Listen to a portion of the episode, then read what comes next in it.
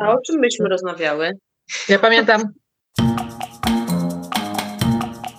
To znowu my. Ta, co się czepia, ta, co głośno mówi i ta, co analizuje, czyli Aśka Waniliowo, Marzena Desta Psia Ekipa i Agata z Myj Psy. Mnie też taka jedna rzecz zastanawia.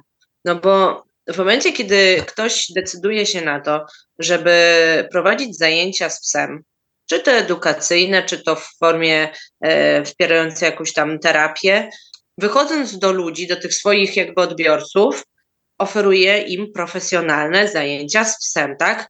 Jeżeli uczestnik się e, na to decyduje, to ma w założeniu, że ta osoba tak wie, co robi, czyli zna jakby psa i wie, jakim jakby zwierzęciem jest pies, umiała go sobie wyszkolić, przygotować i tak dalej. I tak samo zna się jakby na pracy z ludźmi, czy to dorosłymi, seniorami, czy z dziećmi.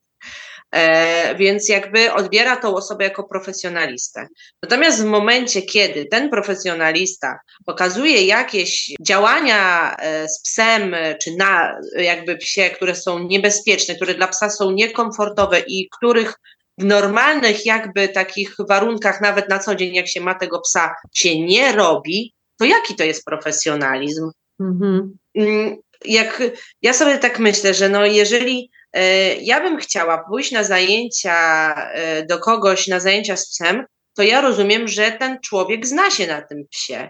I on, jeżeli mi mówi, przekazuje jakąś wiedzę, sam e, jakby swoim zachowaniem e, pokazuje różne jakby mm, też umiejętności związane z psem i pozwala mi na jakieś rzeczy z psem, no to ja e, myślę, że on to robi jakby ze swoją całą wiedzą, że no tak się robi, tak można robić z psem.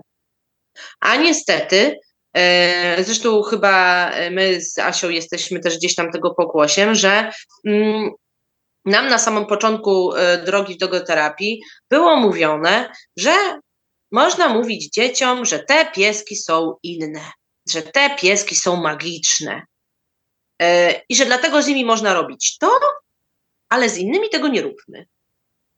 E, no i to już w ogóle jest jakieś.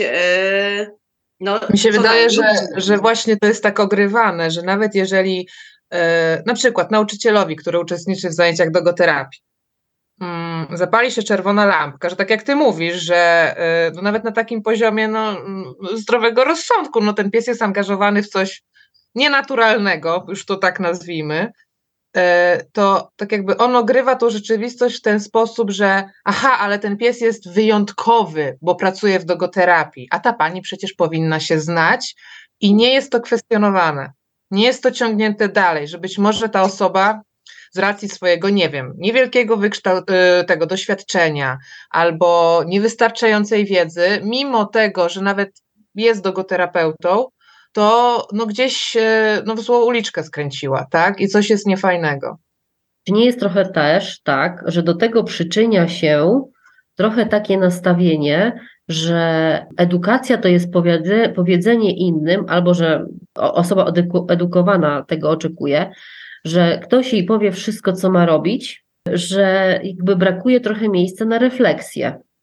Że wiecie, no, do, z jednej strony wszyscy jakby doskonale wiemy, że, że wiedza nie, nie polega na tym e, tylko na, inform, na posiadaniu informacji, tylko nad jakąś refleksją, nad przemyśleniem tego, nad umiejętnością jakby skorzystania z, z podobnej wiedzy w różnej, w różnej sytuacji że o ile dla mnie to jest takie zrozumiałe, że osoby, które zaczynają e, i jeżeli, zwłaszcza jak to są młode osoby, w sensie, wiecie, na studiach czy zaraz po studiach, to one jeszcze mogą nie mieć takiego e, z doświadczenia trochę wyobrażenia, jak wszystko działa. Nie? Trochę nie mają wyjścia, muszą zawierzyć to też przesadzam, bo właśnie mogą myśleć, nie? Trochę nad tym, co robią, ale że jakby w tej sytuacji trochę bardziej naturalne jest to, że wierzymy tym, którzy nas uczą, edukują, nie?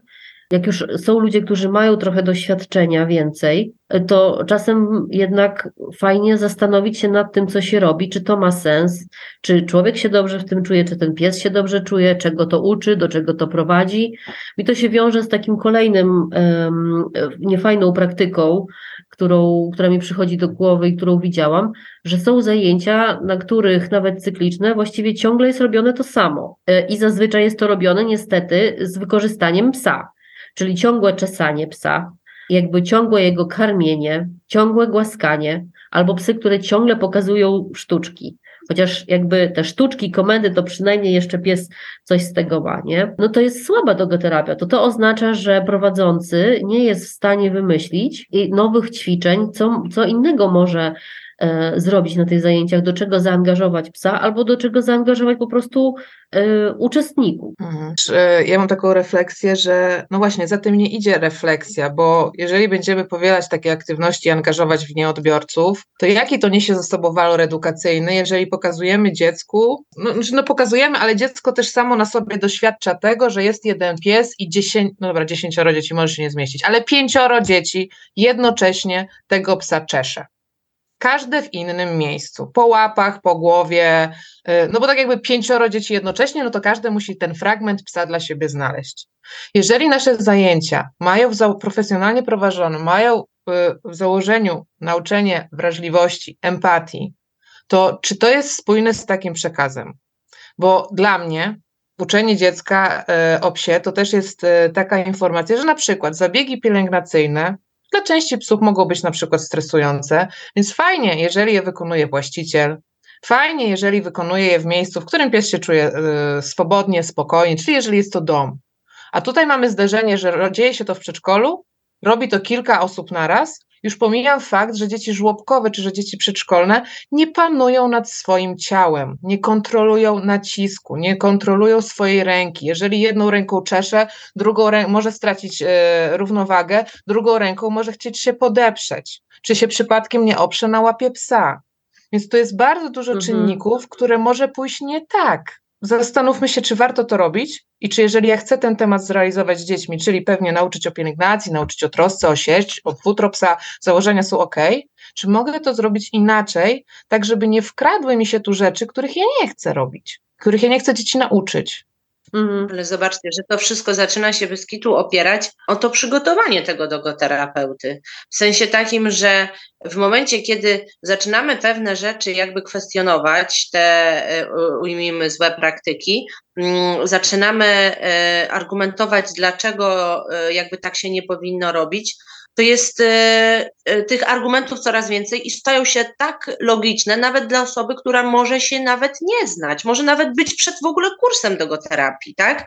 Bo ja sobie tak myślę, że no w momencie, kiedy e, ktoś oferuje, jeżeli, to tak jak mówiłam wcześniej, ktoś oferuje jakieś zajęcia, to powinien mieć na temat swoich odbiorców i na temat, tu w przypadku, jeżeli prowadzi jest psem, czyli na temat psa, po prostu posiadać wiedzę i wiedzieć, jak ją należy przekazywać, tak? Bo jeżeli, e, nie wiem, ja pójdę na język angielski i pani mnie nauczy słówek, których jakichś specjalistycznych. Ja chcę na przykład, chcę się nauczyć angielskiego, żeby porozumiewać się z ludźmi, bo chcę sobie wyjechać gdzieś za granicę, a pani mnie nauczy jakiejś specjalistycznej wiedzy, nie wiem, z zakresu inżynierii, to przepraszam bardzo, ale jak ja mam to? Ja tego nie wykorzystam. A to właśnie nie no o to właśnie. chodzi. Tak samo chyba jest na zajęciach z psem. Że one mają pokazać dziecku, to dziecko może kiedyś będzie miało y, psa, a może już ma w domu psa, a może ma psa u babci, a może ma, y, spotyka się z przyjaciółmi, u których w domu jest pies. I ono już by mogło tą wiedzę, którą posiądzie na tych zajęciach z psem, mogłoby wykorzystać. Tak jak kiedyś właśnie nawet ostatnio widziałam na Facebooku, e, gdzieś tam był post a propos sprzątania kup po psie.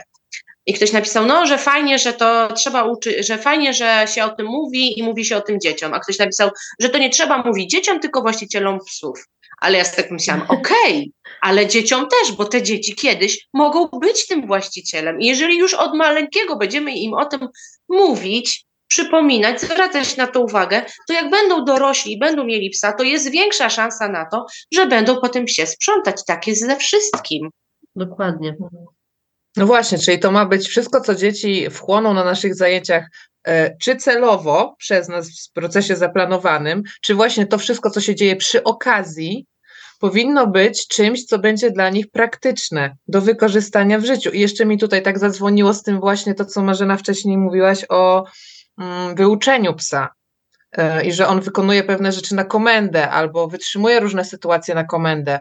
Kurczę, dlaczego tego, że pies nie będzie chciał nam coś zrobić, na zajęciach, mimo tego, że chcielibyśmy, żeby zrobił, nie ograć edukacyjnie. Skoro my chcemy zwierzę pokazać jako żywą istotę z własnymi potrzebami, z własnymi emocjami, z tym, że ona czuje się w jednych sytuacjach szczęśliwa, coś jej się podoba, w innych sytuacjach może ją coś zestresować, może po prostu nie chcieć czegoś zrobić.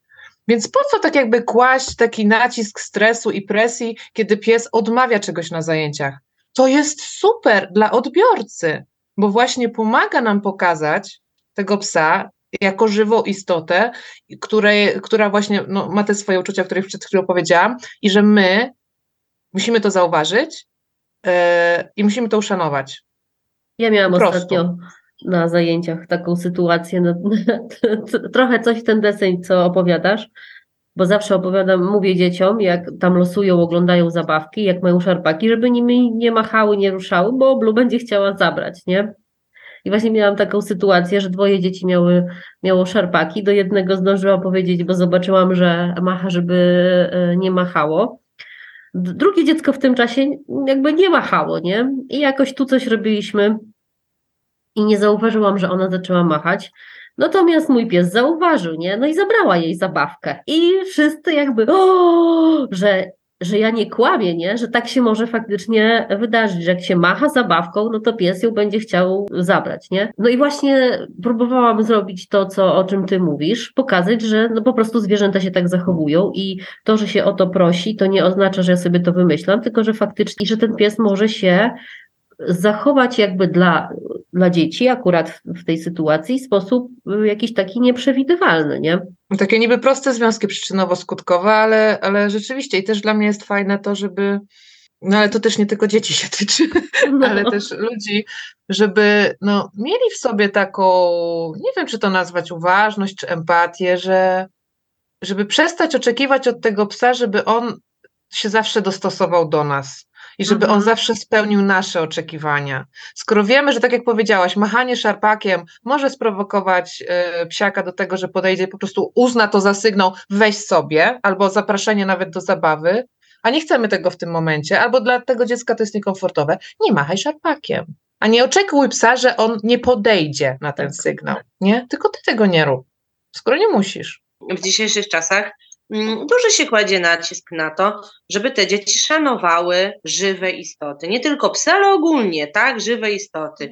Bo to też na pewno ma e, jakby e, przełożenie też na szanowanie drugiego człowieka.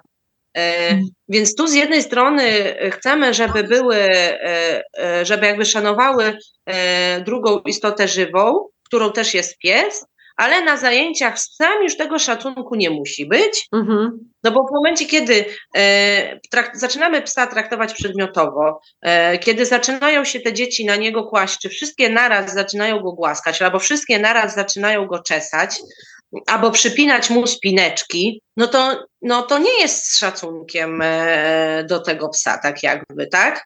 Więc e, no coś tu jest e, nie tak.